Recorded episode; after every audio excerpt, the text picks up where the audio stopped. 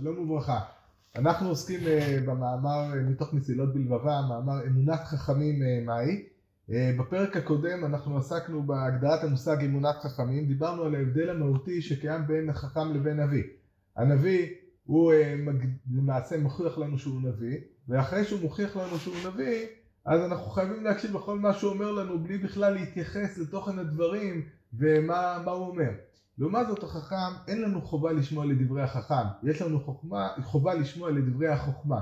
החכם אומר דברי חוכמה, דברי חוכמה כל עניינם שהם דברים שניתן לבחון אותם, ניתן לברר אותם, ואין לנו חובה להתייחס לאמירה מצד היותו החכם והאדם עצמו, אלא לדברי החוכמה שאומר החכם.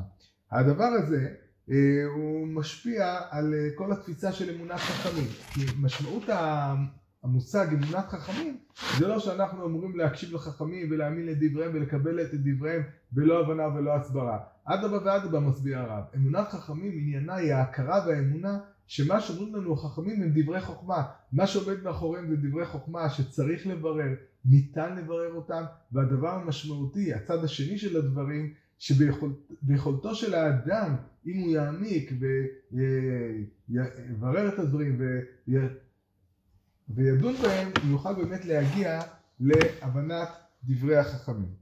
אה, זה הקביעה הבסיסית של הדברים. בפרק היום אנחנו נמשיך בנדבך הבא אה, בדברי הרב, והוא עניין החתירה לאמת. נדבר מעט על החתירה לאמת, נוסיף גם מקורות שאינם מופיעים בדבריו של הרב, כי החתירה לאמת הוא מושג מאוד מאוד אה, מרכזי. כל אדם צריך, אולי אפשר להגדיר אפילו חייב, לחתור ולברר את האמת. אסור לירא מאיש אלא רק לאהוב את האמת. זו הייתה דרכו של הרמב"ם, דרכו של רבי אברהם בן הרמב"ם, וזו גם הדרך שבה אה, צעד הרב. היטיב להגדיר את הדברים האלה אה, רבי אברהם בן הרמב"ם בספרו המספיק לעובדי השם. ספר מספיק לעובדי השם הוא ספר מאוד מאוד גדול של רבי אברהם בן הרמב"ם, שלצערנו הרב נשאר לנו ממנו אך ורק אה, חלק אה, קטן. לפני שנים רבות כבר יצא חלק שעסק בצד המוסרי, חלק מהצד המוסרי, מהדורת ששון. ולפני איזה עשרים שנה יצא החלק הלכתי במהדורת אה, ניסים דנה שהחלק הזה יש בו דברים מאוד מאוד חשובים ומעניינים נשארו עוד כמה דברים שעם השנים הוצאנו אה, בקבצים שונים של הישיבה מתוך הספר המספיק לעובדי השם וחבל על די הדין כי הספר הזה היה הכיל כנראה אה, עשרים חלקים או משהו מעין זה שנשאר לנו ממש מעט מהם. הרב, רבי אברהם בן הרמב"ם בחלק ההלכתי מגדו במקום אחד אה, את דרכו ונשאף אל האמת אשר יתעלה אינו רוצה זולתה. הגדרה מאוד מאוד חדה, מאוד מאוד נוקבת. אומר רבי אברהם בן הרמב"ם, אנחנו נשאף אל האמת, אשר יתעלה, הכוונה הקדוש ברוך הוא יתעלה, אינו רוצה זולתה. הדבר היחידי, הקדוש ברוך הוא רוצה את האמת, לא רוצה שום דבר אחר. השם אלוקים אמת, הרצון של הקדוש ברוך הוא מהאדם, שהאדם ישאף כל הזמן לאמת, כפי שהוא יכול אה, להשיג אותה בשכל שלו, כמובן בהתאם למגבלות של האדם. הדבר הזה הוא דבר שחוזר על עצמו פעמים רבות, הן בכתבי הרמב"ם והן בכתבי רבי אברהם אה, בן הרמב"ם. אה, דבר שמאוד בא לידי ביטוי, בא בו לידי ביטוי הרעיון הזה, זה בעניין שחכם חוזר בו מדעתו. הרמב"ם בהקדמה שלו למשנה הוא מסביר את דרכו של רבי, למה לפעמים אנחנו יכולים לראות במשנה שרבי אומר, וחזרו בית אה, הלל להורות כדברי בית שמאי או משהו מעין זה. אומר לנו הרמב"ם בהקדמה למשנה, אבל קביעתו, סברת אדם מסוים וחזרתו מאותה סברה, כגון המרוק, בית שמאי אומרים כך ובית הלל אומרים כך, וחזרו בית הלל להורות כדברי בית שמאי, כדי ללמדך אהבת האמת ורדיפת הצדק. לפי שאלו האישים הגדולים החסידים המשכילים, המופלגים בחוכמה שלמי הדעת, כאשר ראו דברי החולק עליהם נכונים יותר מדבריהם והגיוניים יותר, נכנעו וחזרו לדעתו. כל שכן, וקל וחומר שאר בני אדם, כשיראה שיריבו צודק, שייכנע ואל יתעקש. וזהו דבר השם, צדק צדק תרדוף. ועל זה אמרו חכמים, הווי מודה על האמת. רצונם לומר, אף על פי שאתה יכול לחלץ, לחלץ את עצמך בטענות ויכוחיות, אם תדע שדבר יריבך הוא האמת, אלא שטענתך נראית יותר מחמת חולשתו או בגלל יכולתך להטעות, חזור לדבריו וחדל להתווכח. על היסוד הזה הרמב"ם חוזר פעמים רבות, נביא עוד דוגמה בפירוש המשנה לאבות, פרק ההלכה ו', הוא מדבר על מעלת החכם, ולא תהיה בו עיקשות. אלא כאשר ישמע האמת יקבלה. ואף על פי שאפשר לו לדחות ולהתווכח ולהטעות, לא ייטב זה בעיניו, והוא מורו ומודה על האמת.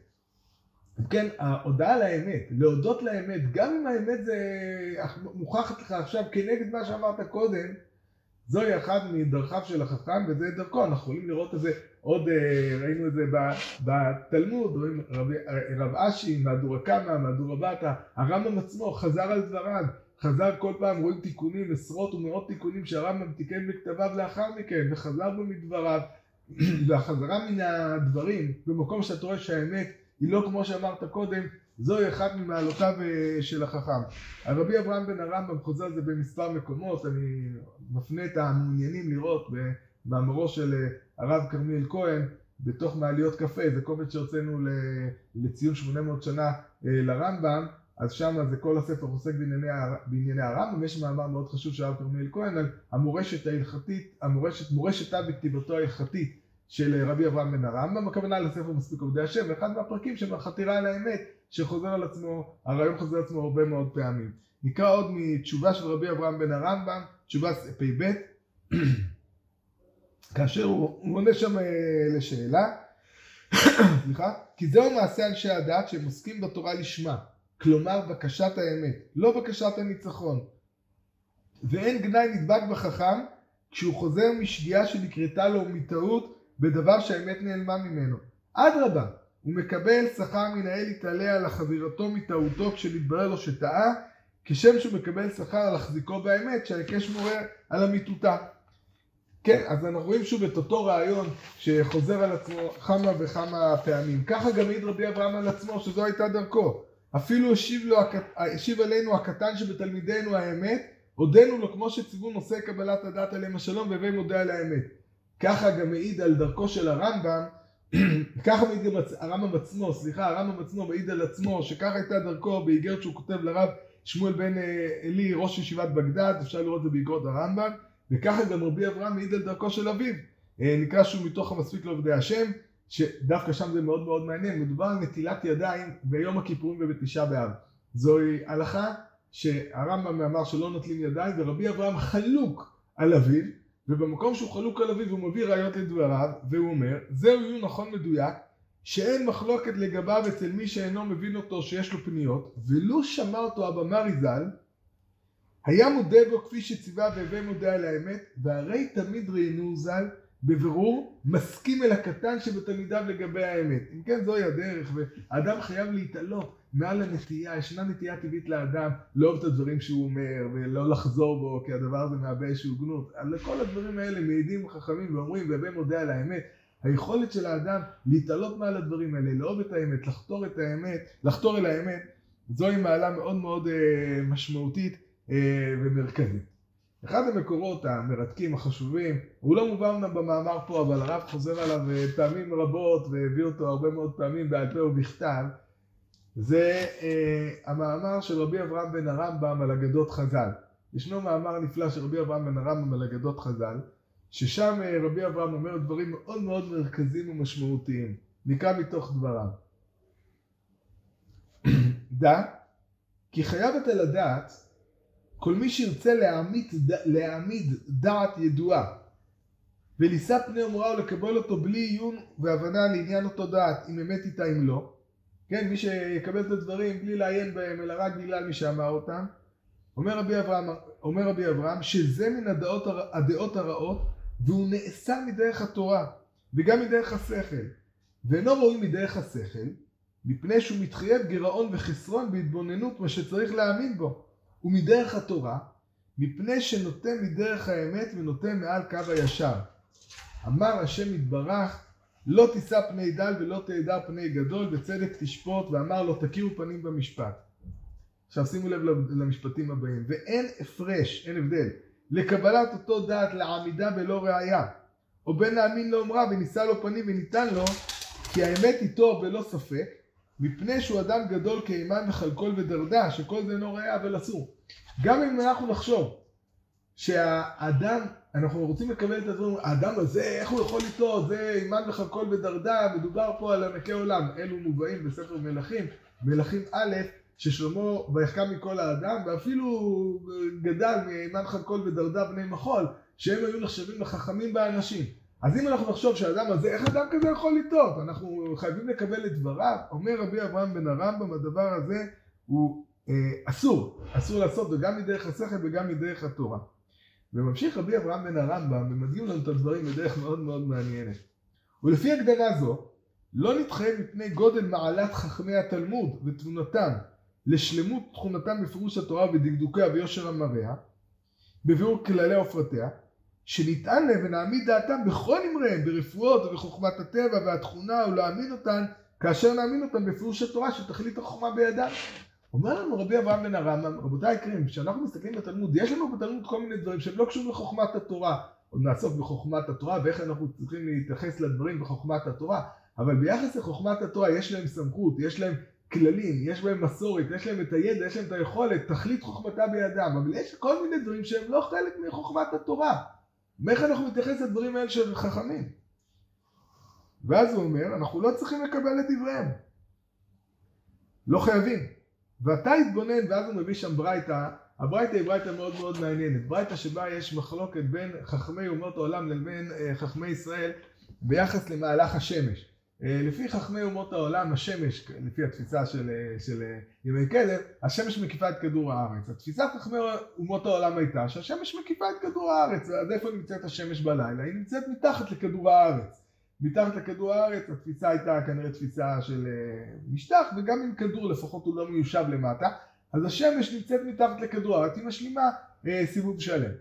שיטת חכמי ישראל הייתה אבוקי חלוני רקיע, שבעצם למעשה עם אה, כדור הארץ פה, אז השמש עושה תנועה של חצי עיגול במהלך היום, ממזרח למערב, חוצה את עובי הרקיע, יש עובי לרקיע, היא חוצה את עובי הרקיע וחוזרת חזרה מעל הרקיע, ולפנות בוקר היא חוצה חזרה את הרקיע ומתחילה לזרוח. בקיצור, יש פה תנועה מעין זו. אז אה, זו שיטת חכמי אומות העולם, ורבי אומר ש... שדברי חכמי אומות העולם הם יותר נכונים מדברי חכמי ישראל. הוא מקבל דברי חכמי אומות העולם, ויש לו גם ראייה. מה הראייה שלו? הראייה שלו שבלילה המעיינות רותחים. עכשיו מה זה, ככל הנראה הכוונה שלו לעובדה שהים בלילה הוא יותר חם. יש לזה דבר מדעי. אז הוא חשב, הסברה הייתה שכאילו השמש בלילה מחממת את המים מלמטה, לכן המעיינות רותחים. אז אם כן, אומר לנו רבי אברהם אה, בן הרמב"ם, ואתה התבונן מה שהורונו בברייתא זו, מה יקר עניינה של, אה, מה יקר עניינה שלמדו? כי רבי לא הבין בדעת אלו אלא מדרך הראיות בלי לשים עליהם, לא לחכמי ישראל ולא לחכמי אומות העולם, לא מעניין אותו מי אמר את זה, הוא הלך לפי הראיות. והכריע דעת חכמי אומות העולם מפני ראיה זו שחשב כי ראיה מתקבלת, שביום מעיינות צוננים ובלילה מעיינות רותחים. והתבונן חוכמת זה הסוד כי רבי לא פסק כדת חכמי העולם אלא שהכריע דעתם מדעת שיקול הדעת בראיה שזכרנו הוא לא הכריע חכמי אומות עולם יותר צודקים משהו קטגורי. היה לו ראיה ועל פי הראיה הזו הוא הכריע. הוא באמת נקרא אדון זה רבנו הקדוש. כי האדם שישליך מעל פניו השקר ויקיים האמת ויכריענו לאמיתו ויחזר בו מדעתו שיתבהר להופכה אין ספק כי קדוש הוא כן, אז אה, הדוגמה הזאת היא דוגמה מאלפת. למה היא דוגמה מאלפת? כי מדובר פה בדבר שהוא באמת מופיע, זאת שיטת חכמי ישראל מאוד מאוד ברורה, מאוד מאוד נוקבת. מדובר פה על משהו שהוא לא מהתורה, ואמרנו, אנחנו נצטרך בהמשך להרחיב את הדברים, לראות מה אנחנו עושים ביחס ל, אה, לענייני התורה. והראיה פה היא ראיה מדעית שנראתה לרבי, ועל פי הוא הכריע. עכשיו היפה פה שגם זה לא נכון, זה לא נכון והראיה לא נכונה, כל הדברים לא נכונים, אבל זה לא משנה, כי העובדה שרבי קיבל את הדברים האלה ורבי אה, הסביר את הדברים האלה על פי ראיות, וזה היה הדרך, וזו התפיסה שאדם צריך ללכת בה. אה, יש תפיסות כאלה שסברו שכל מה שאמרו חכמי ישראל בתלמודים, תפיסות, באמת תפיסות בראשונים ובאחרונים, שכל מה שנאמר בתלמוד הכל הוא ברוח הקודש. כשאנחנו אומרים שדבר הוא ברוח הקודש, הדבר הזה כבר מוביל אותנו למישור של הנבואה, אם תזכרו מה שדיברנו בהתחלה ובפרק הקודם. רוח הקודש זה נבואה, רוח הקודש לא צריכה ראיות, דברים שנאמרים ברוח הקודש לא צריך להוכיח אותם ולא צריך לברר אותם. והיו כאלו שסברו שכל מה שאמרו חכמי ישראל, כל מה שמופיע לנו בתלמוד, מה שאמרו התנאים והמורים, זה הכל דברים שנאמרו ברוח הקודש.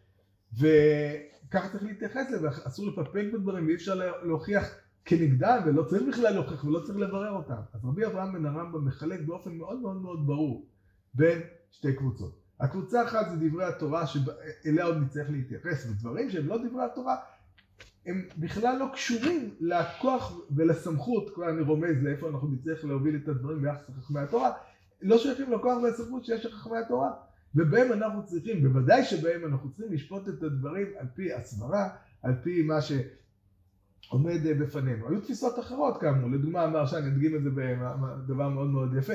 בתחילת פרק שביעי במסכת גיטין, פרק מי שיחזור קורדיאקוס, אז יש לנו אה, רשימה של כל מיני רפואות שמופיעות, רפואות שמביאים לנו אה, חז"ל. מה צריך להיות היחס לרפואות האלה? הגאונים, ובעקבותיהם הרמב"ם אומרים, שהרפואות האלה זה מה שהיה, יש תשובה של הגאון, שהרפואות האלה זה היו הרפואות המקובלות באותם ימים. וחכמים הביאו אותם כדי להראות לנו שלא, שהם לא נעדרה מהם שום חוכמה.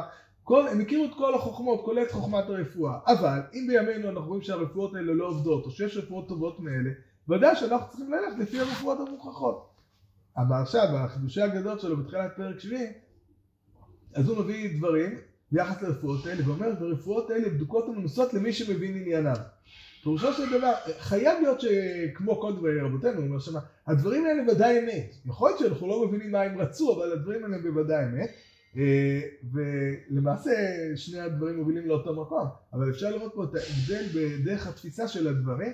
תפיסת רבי אברהם שהדברים האלה הם דברי חוכמה ויכול להיות שיש בהם טעות ואנחנו צריכים לברר אותם ובוודאי בדברים מעין אלו שהם קשורים לדבר שהוא או אמת או לא אמת אנחנו צריכים לברר אותו לעומת תפיסות אה, אחרות. אם כן ראינו שחובת האדם זה לחתור לאמת, זה רצון השם, הדבר נכון ביחס לכל דבר שהוא ו, אה, וצריך לקבל את הדברים ולברר אותם לפי אה, עניינם ולא לפי מי שאמר את הדברים האלה. ראינו את זה אצל רבי אברהם שהוא הדגיש את זה בעיקר לא בחוכמת התורה, אבל לכאורה אם אנחנו אמרנו קודם לכן שגם חוכמת התורה זה חוכמה, זה דברי שכל, אז אנחנו גם ביחס לחוכמת התורה צריכים להפעיל לכאורה את אה, אותם כללים.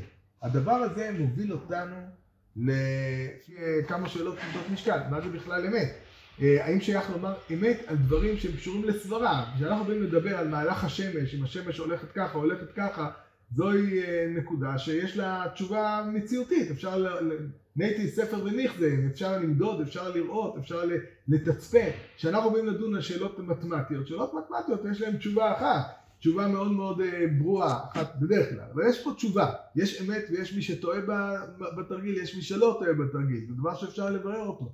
אבל כשאנחנו באים לדבר על דברים שהם קשורים לסברה, קשורים לתפיסת עולם, דברים מעין אלו, מה שייך שם המושג אמת, זו שאלה מאוד מאוד גדולה. האם הדבר הזה נכון? אמרנו, אמרתי עכשיו, לא לפני הרבה זמן, שהדבר הזה נכון בכל דבר. רבי אברהם דיבר על התורה, האם יש חילוק בין היחס של דברי חכמים בענייני תורה לבין דברי חכמים בדברים אחרים? האם גם את אותם כלים של הבירור לאמת והחתירה לאמת וללכת לפי אה, מה שאנחנו מסיקים ומבינים, זה נכון גם ביחס לחכמי התורה? האם אדם יכול לחלוק על אה, רבותיו בתנאי שיש להם אה, את הכוח, יש לו את הכוח לדברים האלה?